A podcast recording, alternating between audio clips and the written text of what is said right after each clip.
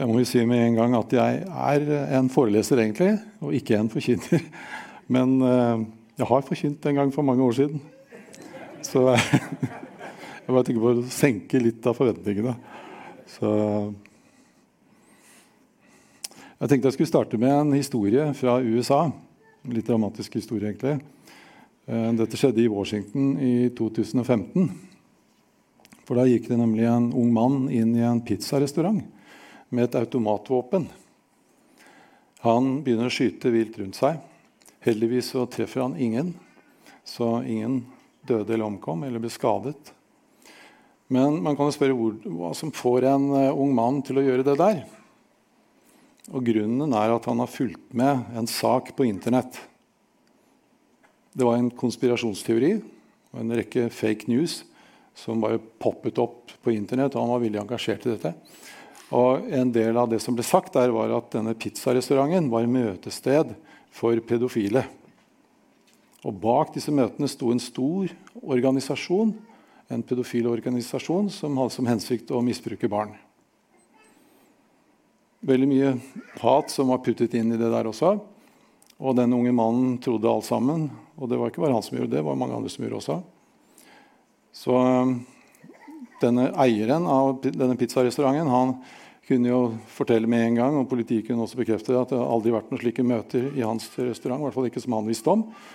Og eh, Det ble også sagt at det var et hemmelig rom, eller et, et rom, møterom i kjelleren i denne restauranten. Og han kunne bekrefte også at det ikke fantes noen underetasje i den restauranten overhodet. Så det er en rystende historie, men han var altså offer for konspirasjonsteorier og falske nyheter. Og i dag så er dette, Man trenger ikke gå til USA for å få eksempler på dette. Vi ser jo det utspiller seg eh, spesielt i Russland, ikke sant? hvor vi vet at løgner blir sagt ut, rett opp i ansiktet på oss. Og eh, du vet hva det innebærer. Det som jeg tror er viktig å merke seg akkurat i forhold til den historien jeg fortalte, var at hva vi tror, det har stor betydning for hvordan vi handler. Så det er en sammenheng med hvilke oppfatninger vi har, og hvordan vi handler. Og hvordan vi forholder oss til andre mennesker, og hvordan vi forholder oss til oss selv. Ikke nok med det, men vi kan bli veldig overbevist om noe selv om det er usant. Ganske alvorlige ting. Altså selv om det er usant, så kan vi bli veldig overbevist om at det er sant. Så overbevist at vi kan gå inn i en pizza. Det er ikke alle som gjør det, da. Men han gikk inn i en pizzarestaurant og begynte å skyte rundt seg. Så det betyr at sannheten er veldig viktig. Når det gjelder den teksten som vi leste fra Bibelen, Johannes evangeliet, jeg skal reflektere litt rundt den, bare for å fremlegge noen ganske selvsagte ting. Men i vers 12 så står det Ennå har jeg mye å si dere, men dere kan ikke bære det nå. Så vi vet tydeligvis ikke alt ut fra oss selv. Tenk på det. Altså, vi er ikke den eneste kilden for det vi tror. Det finnes mer å erkjenne. Vår erkjennelse er ufullkommen. Og Det betyr også at vår viten, som vi kaller viten, eller vår tro, eller sannhet spesielt, da, er ikke en konstruksjon. Sannheten er ikke en konstruksjon som vi gjør. Så Det betyr at sannheten ikke er relativ til oss selv. I vers 13 så står det Men når sannhetens ånd kommer, skal han veilede dere til hele sannheten. Når man leser det verset der, så tenker man hele sannheten.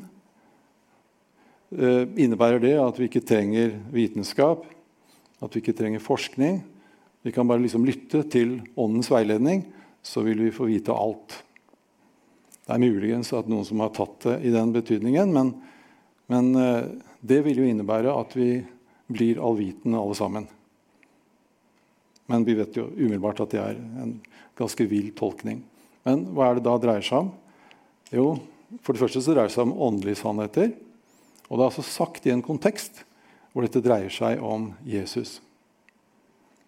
Så jeg skal si litt mer om det litt senere, men, men det er altså Jesus som er fokus her. Hele sannheten om Jesu gjerning. I vers 14 så står det Han skal herliggjøre meg, for han skal ta av det som er mitt, og forkynne det for dere. Så det er kunnskapen om Jesus Kristus det dreier seg om. Det kommer umiddelbart til uttrykk i vers 14. Så Det betyr at det er Kristus som er kunnskapens kilde akkurat her. Og sannheten er også noe som ligger utenfor oss. Den blir formidlet utenfra. Det er ikke noe vi liksom kommer opp med, eller som vi konstruerer selv. Men det er en informasjonskilde som ligger utenfor oss selv. Det betyr at sannheten er objektiv. Da. Den ligger der ute.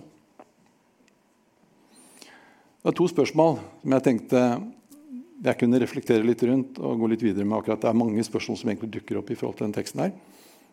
Og sannhet er jo et stort uh, filosofisk uh, tema. Men det er to spørsmål som jeg tenkte jeg kunne fokusere litt på da, og reflektere litt rundt. For det første om sannheten er objektiv. Og det andre spørsmålet er hvordan bør vi forholde oss til de som mener at sannheten er noe annet enn det vi mener at den er. Altså Forholdet mellom sannhet og toleranse blir da et viktig spørsmål.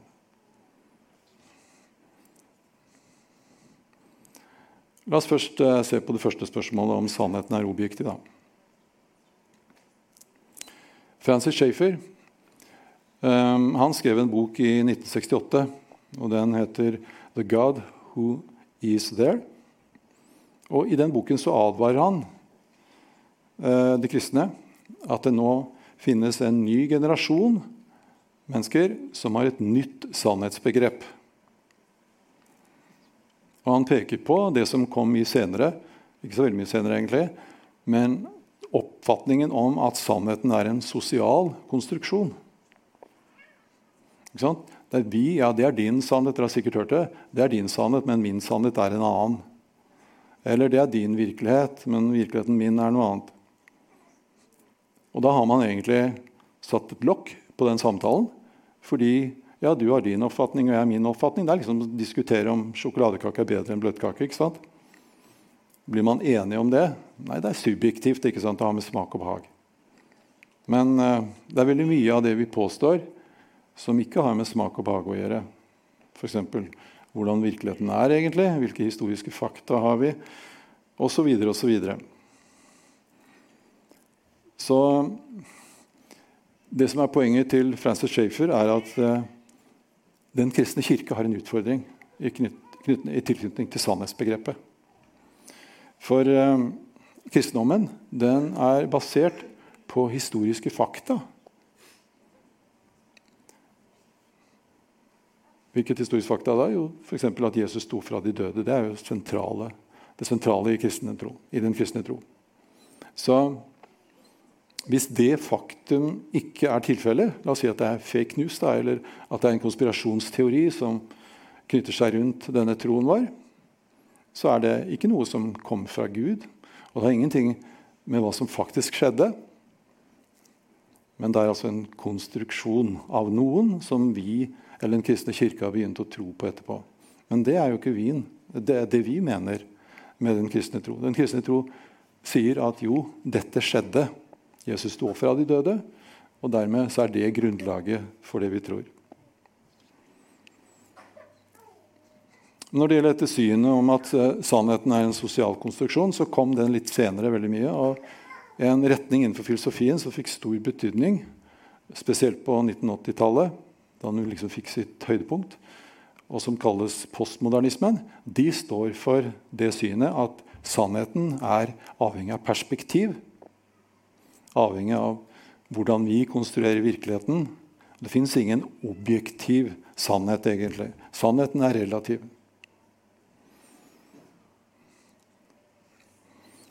Eh, det er en oppfatning som vi møter eh, også i dag, selv om det er noen år siden 1980. Jeg møter det noen ganger hos eh, mine studenter. Når jeg foreleser i filosofi på universitetet, så hender det at jeg har studenter som står for det synet. Jeg har også korrespondanse med godt voksne mennesker som også har det synspunktet at sannheten er relativ. Og Noen mener også at når de tar kontakt med meg, så er det noen som ønsker å vite mer om hva filosofi er. Og Da prøver de kanskje å være litt filosofiske Og da, mener, da tar de som gitt at jeg mener at dette med sannhet det er noe vi konstruerer. At det skal bli så problematisk, alt dette rundt sannhet. Da.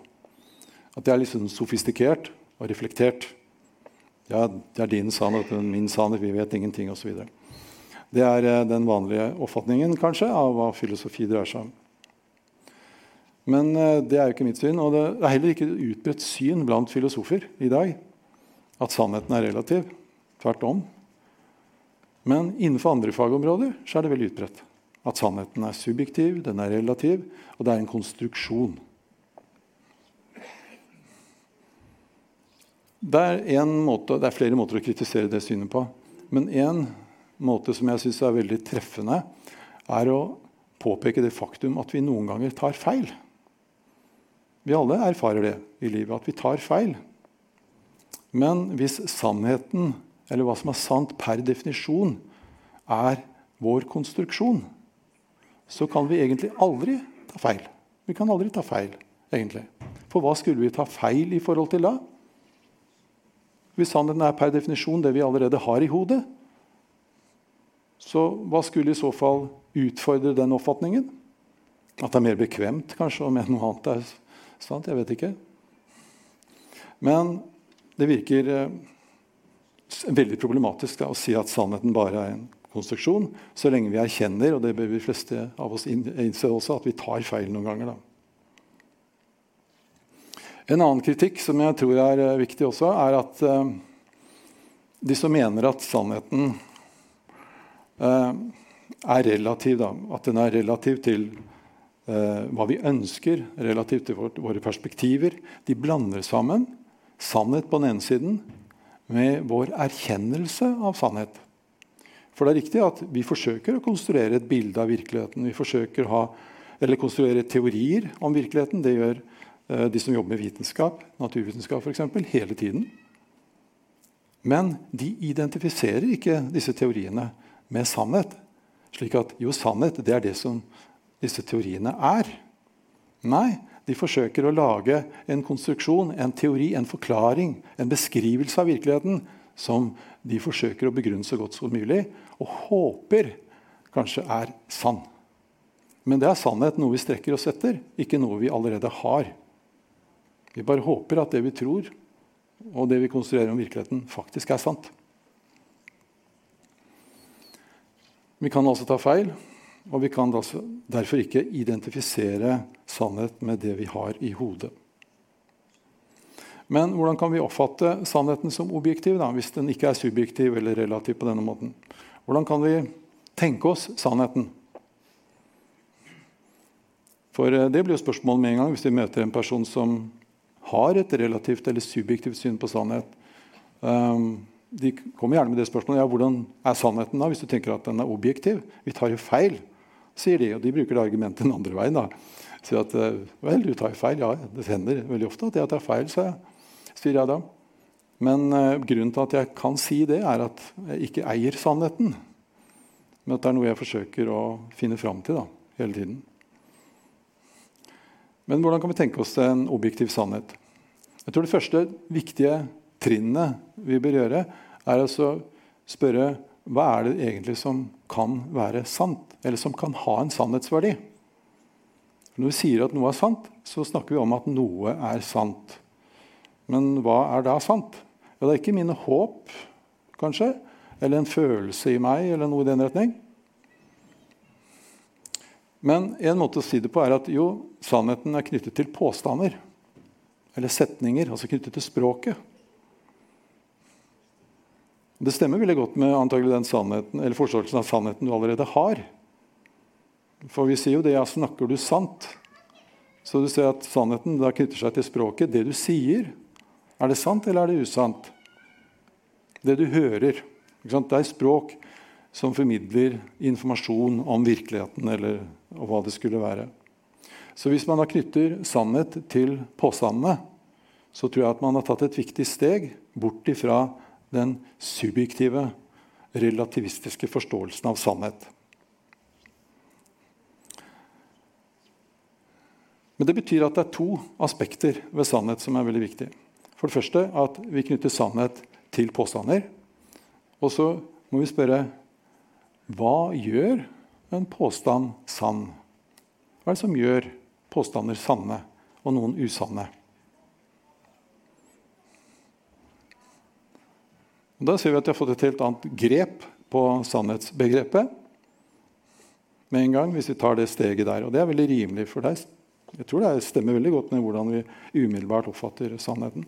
Vi kan tenke tilbake på det eksempelet om denne mannen som gikk inn i denne pizzarestauranten. Uh, la oss tenke på følgende påstand. For det var det denne mannen, den unge mannen trodde på. Påstanden er sånn En hemmelig pedofil organisasjon har møter på den lokale pizzarestauranten. Det er påstanden. Så prøv å anta at det er sant. Så spør du hva er det som gjør denne påstanden sann? Jo, og De fleste vil da svare jo, at det faktisk finnes en slik hemmelig pedofil organisasjon. Og at denne organisasjonen faktisk har møter på den lokale pizzarestauranten. Selvsagt svar, egentlig. Jeg tror de fleste vil være umiddelbart enig i det. Jo, det er det som gjør den sann. Men hvis du er med på det der, så er sannheten objektiv. For det avhenger av hva som faktisk er tilfellet. Det er ikke noe, en konstruksjon hos meg eller hos deg eller noen annen som forteller deg hva som er sant, eller som avgjør at den setningen er sann eller eventuelt usann. Nei, det er de faktiske forholdene, altså noe utenfor deg. Og Det stemmer helt med den teksten som vi leser i dag også. At sannheten den kommer utenifra. Formidles gjennom Den hellige ånd. da slik vi tenker oss det.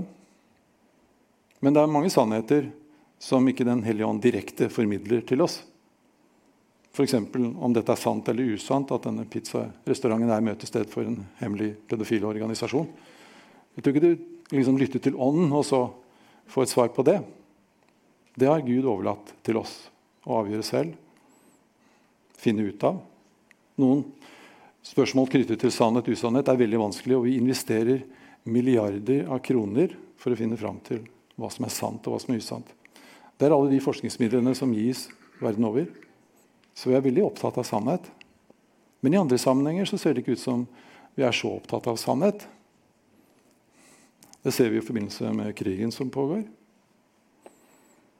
Da forsøker man å få folk til å tro at noe er sant benekter de faktiske forholdene, så man begynner faktisk å lure. Kan denne mannen fortelle noe som er stikk i strid med hva vi kan observere gjennom ja, eller reportasjer osv.? Og, og ikke blunke engang.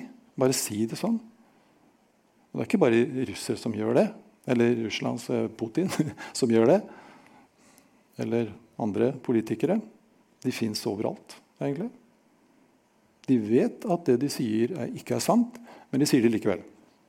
Fordi de har andre hensikter enn å fortelle deg hva som er sant. De ønsker å fortelle deg noe som du skal tro, sånn at de kan rettferdiggjøre sånn og sånn, eller at de skal oppnå en eller annen hensikt. De elsker ikke sannheten. Sannheten blir en fiende. Men tilbake. Så Det betyr at sannheten, hvis jeg tenker på hvordan jeg liksom tok tak i sannhetsbegrepet. Det betyr at sannheten egentlig består av tre komponenter. Da. Først og fremst to. For det første så har vi påstander. Det er den ene komponenten. Og så har du et saksforhold, altså virkeligheten. De faktiske forholdene. Det er den andre komponenten. Og så må det være en relasjon mellom disse to. Påstander og faktiske forhold. Og den relasjonen er sånn at den stemmer overens. Så er påstanden sann. Og Det er en teori egentlig som kalles for korrespondanseteorien om sannhet. og Den går helt tilbake til gresk oldtid. Og du finner den i Det nye testamentet også. Du finner den nok i Det gamle testamentet også. Det gjør det. Så det er noe som uh, går igjen i de bibelske tekstene. Men i de bibelske tekstene så har det et tillegg, nemlig at sannheten også er knyttet til Gud.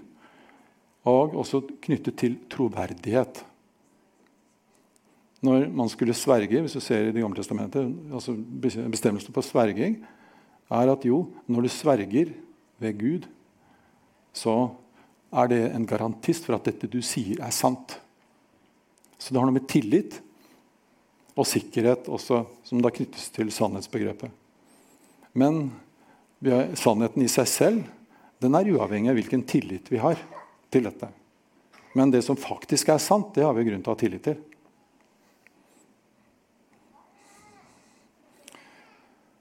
Eh, nå finnes det jo, For de som er litt opptatt av sannhet, de sier jo fort at ja, mm, ja, ok, det høres veldig greit ut, eh, men det gjelder jo ikke alle påstander. For det er noen påstander som er sanne helt uavhengig av hvordan virkeligheten er. For eksempel, hvis jeg sier at alle ungkarer er ugifte, så trenger jeg ikke spørre alle ungkarer i Norge om de faktisk er ugifte eller ikke. Så er det kanskje noen som lyver da, og sier at de er ugifte. Eh, eller at de er ungkarer, men at de egentlig er gifte. Men det, det er usant. ikke sant? Men eh, det er noen påstander i språket vårt som er sanne uavhengig av hvordan virkeligheten er. Vi trenger ikke gjøre noen undersøkelse i virkeligheten. Vi vet at alle ungkar er ugifte. Det er per definisjon hva en ungkar er.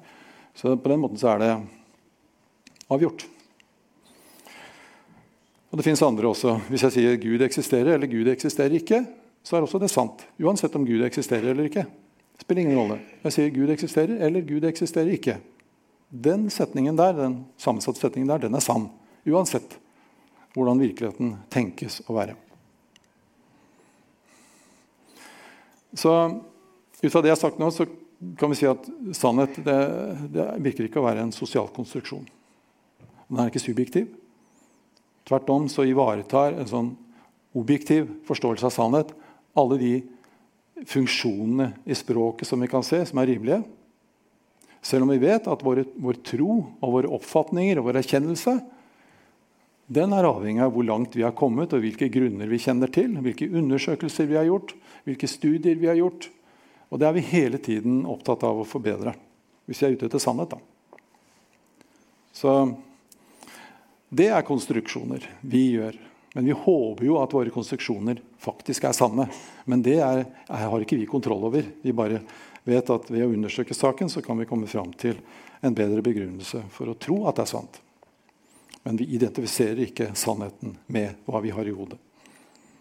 Det er avhengig av andre ting. Det er en sånn vits som barn pleier å fortelle. Uh, dere har kanskje hørt den. Uh, spørsmålet går sånn. Uh, Hvilket fjell var det høyeste i Norge før man oppdaget at Galdhøpiggen var det høyeste fjellet? Og Da venter de at du skal si Glitretind. ikke da var det det høyeste i Norge. Men eh, da sier de nei, Galdhøpiggen var det høyeste fjellet, selv om vi ikke visste det. Og det er den objektive forståelsen av sannhet som, som du da kan bli fanget i. For barn som har lært den vitsen der, de forstår at, sannheten den er avhengig av virkeligheten, hvordan den er, ikke hva vi tror om virkeligheten. For vi kan tro feil. ikke sant? Så det er en god vits, filosofisk sett. da. Det var ikke så mange som lo før nå, men Men eh, husk på at det er en god vits. mm. uh, jeg tenkte vi kunne se på det andre spørsmålet, altså hvordan vi bør forstå forholdet mellom sannhet og toleranse. Eh, når vi erkjenner sannheten, eh, hvordan skal vi da forholde oss til mennesker som ikke erkjenner den? Vi bør være litt usikre på om vi har erkjent sannheten selv. Da. Det er et godt utgangspunkt når vi snakker med andre om hva som er sant. Eh, det er jo et kristent oppdrag å forkynne evangeliet. Misjonsoppdraget. Misjonsbefalingen. Og Det er et oppdrag som Jesus ga oss og formidlet videre. Og Det forutsetter at vi kommer med sannhet. Vi kommer ikke med en teori, en konspirasjonsteori. Da. Det gjør vi ikke. Riktignok har vi våre teologiske oppfatninger når vi gjør det. Uansett om vi har studert teologi eller ikke. spiller ingen rolle. Vi har våre oppfatninger om hvem Gud er, hvem Jesus Kristus er, hva som skjedde påskemorgen f.eks. Alt dette her. Men det har en implikasjon som er litt sånn ubehagelig hvis du peker på det. Og det er at alle som mener noe annet, tar feil. Det høres jo veldig arrogant ut. gjør det ikke det? Og det har blitt, eh, blitt, en kritikk av kristendommen. Eller islam, for den sakens skyld.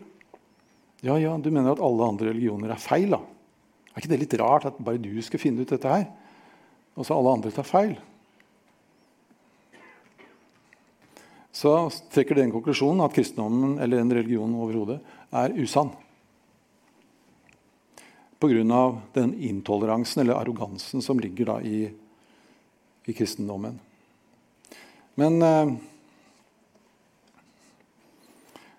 intoleranse eller arroganse har ingenting med sannhet å gjøre. Det er ikke det som avgjør. Altså En arrogant, uh, ufyselig fyr kan godt si noe som er sant. Spiller ingen rolle hvem som sier det. Man sier at av barn og fulle folk skal man høre sannheten. Så, og det er helt riktig, man kan høre det. man kan høre av de som er edru òg, Så man trenger ikke å gå til de, men poenget er at er, det er uavhengig av hvem som sier det. Det er avhengig av hva som påstås, og hvordan virkeligheten er. Og korrespondansen mellom de to. Eh, noen kristne er så presset av den oppfatningen at, eh, at det er intolerant. Da. Så de mener at eh, nei, det finnes frelse i andre religioner også. Det er én strategi. Det er ikke så mange kristne som mener det. For de syns det er litt ubehagelig å si at det, det er bare én, et navn, gitt ved hvilket vi kan bli frelst, og det er Jesus Kristus. Og det mener jeg, og det mener kanskje de fleste her også. Men Betyr det at alle andre går fortapt? Det er også et spørsmål som dukker opp da, så det blir en egen debatt på den. Jeg hadde ikke tenkt å si så mye om det, men, men jeg kan si litt om det likevel, siden jeg tok det opp. så, så. Sånn er det. Eh, jeg tror at man kan bli frelst, men ikke utenfor det frelsesverket som Jesus Kristus har, gitt oss. Men du kan bli frelst uten å ha hørt om Jesus likevel, men pga. det som Jesus har gjort. Da. Det er litt mer komplisert. For de som ønsker å utfordre meg på det, kan de gjøre det etterpå. Så Det er slik. Så jeg ser på det. Men uansett denne anklagen som eh, religionskritikere og kristendomskritikere kommer med, den er på en måte irrelevant. For det har altså ingen betydning for sannheten om dette er intolerant eller tolerant eller hva det måtte være. Men det er også en sånn, det man kaller for selvrefererende inkonsistent. som vi bruker inn i filosofi, vi snakker om det. Altså, ved at ateisten eller religionskritikeren sier det, så dømmer man seg selv samtidig. For de sier jo at alle som mener, mener at kristendommen er sann, eller som mener at kristendommen er usann, eh, eller mener at alle religioner er usanne Uansett hva man påstår, så impliserer det at alle som er uenig i det, tar feil. Uansett hva du sier, hvis du sier at, eh, at eh, prisene på matvarer har gått opp 30 den siste måneden så Hvis du virkelig tror det, eller hvis du mener at det er sant, så sier du at alle som er uenig i det, tar feil. Ellers vil du ikke påstå noe som helst. Så den intoleransen som man da knytter til, knytter til kristendommen pga. at man tror at dette er sant, den virker helt irrelevant. Det har ingenting med sannheten å gjøre. At noen kristne kan være arrogante, det er ikke noe bra. Men det sier ingenting om det de sier, er sant eller usant. Så Hvis man da sier at det er sant at kristne er intolerante, så tar alle de som hevder at kristne ikke er intolerante, feil. Så det blir vanskelig for eh, kritikeren da, på dette. Så konklusjonen, uansett hva man hevder, hevder man samtidig at de som er uenige, tar feil. Det gjør man uansett hva man påstår. Men det blir spørsmålet hvordan skal man forholde seg da, til mennesker som er uenige med en. Man kan spørre om det er tolerant eller intolerant. Og hva er intoleranse? Og jeg tror at Den beste måten å definere det på er å knytte det opp mot hvordan vi behandler de menneskene vi er uenige med. Altså, Hvordan forholder du deg til det mennesket? Det er det det går på. Ikke hva du mener, men hvordan du forholder deg til de mennesker som er uenige med deg. Respekterer du det? Er du åpen for at du kanskje selv tar feil? Hvordan er det, liksom? Behandler vi de vi er uenige med, dårligere? Du ser at Noen politikere er veldig opptatt av det der. De straffer folk som mener noe annet enn de selv. Setter de i fengsel, de forfølger de, dreper journalister. Det er ikke en måte på hva de som er veldig redde, gjør de er så redde for de som er uenige med en. Så de blåser i sannheten. Men tenk på oss. Hvordan skal vi forholde oss til de vi er uenige med? Uenigheten i seg selv er ikke noe problem. Ikke Vi må bare ha gode grunner for å mene det vi mener. Og jeg mener at kristendommen kan etablere veldig mange gode grunner for at det vi tror på, er sant. Så i hvilken grad du tåler uenighet, er da spørsmålet om toleranse og intoleranse går på.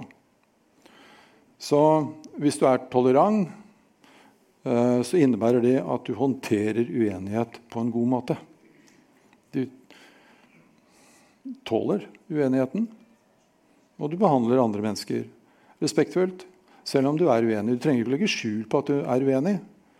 Men du trenger ikke å gå rundt hele tiden og snakke om hva du er enig med folk heller.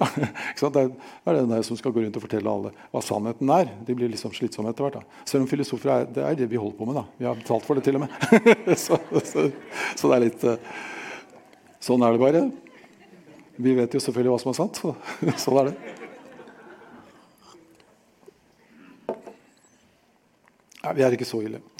Men, uh, men uh, det som er viktig å være klar over med hensyn til kristen toleranse Jeg tror at kristendommen er den mest tolerante religionen i verden. Og hvorfor mener jeg det? Jo, pga. det Jesus sier. Vi skal ikke bare tolerere eller akseptere at folk er uenige med oss, men vi skal også elske dem. Tenk på det. Du skal elske dine fiender. Hvilken annen religion har sagt det? Ingen annen religion i verden har sagt det. Vi skal elske våre fiender. Vi skal elske de vi er uenige med. Vi skal elske de som tar feil fordi vi tror de tar feil. Så jeg tror at kristendommen er den mest tolerante religionen i verden. For toleranse er ikke å si at alt er like bra. Det er faktisk en veldig farlig posisjon. For da kan du være med på å støtte undertrykkelse, de verste overgrep i verden. Da er du relativist og subjektivist. Ja, De har jo rett i det de gjør. Jeg kan ikke si noe om det. Det er bare konstruksjoner alt sammen. Men det er det jo ikke. Så kristendommen sier dette, men samtidig sier at vi skal elske våre fiender. Så Det, er, det fins ikke noe mer tolerant religion enn kristendommen. Og det er jo bra å minne om. da.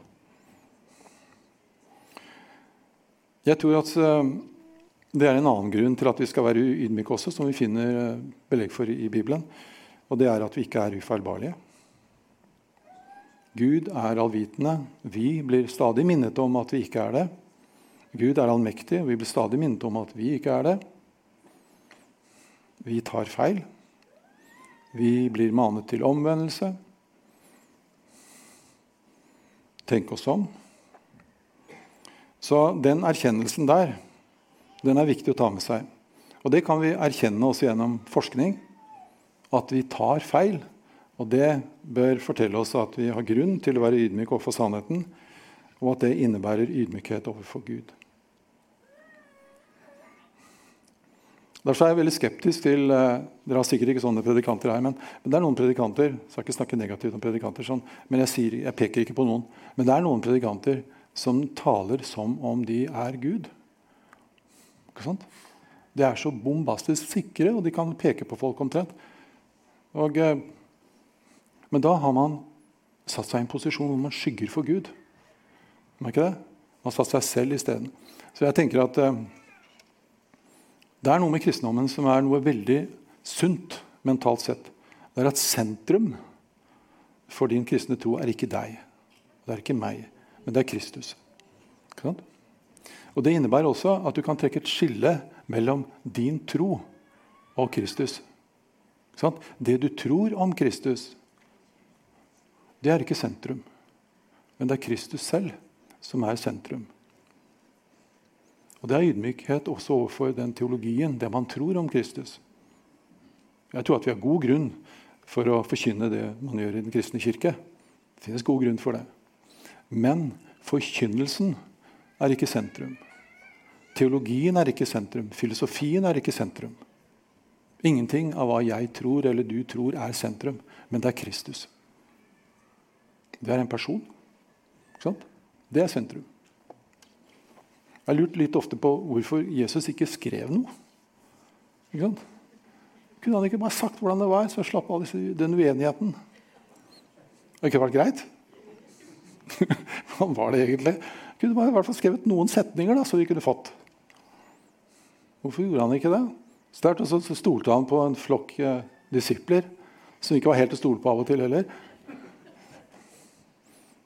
Han gjorde det. Vel, så kom Den hellige ånd selvfølgelig i tillegg. Men, men, eh, men, det de skriver, er jo deres ord på en måte, selv om det er inspirert. Uh, jeg tror at Den grunnen, beste grunnen jeg kan finne, er at uh, det ligger en frihet i det. Vi har lov til å ta feil i noe. Vi har lov til å ta feil. Men det sentrale budskapet i kristendommen det er klart nok. Man trenger ikke være teolog eller filosof for å forstå det. Det er så klart som bare det, og så er det opp til oss selv å finne ut resten. Og vi skulle få veiledning av Den hellige ånd i forhold til de åndelige sannhetene.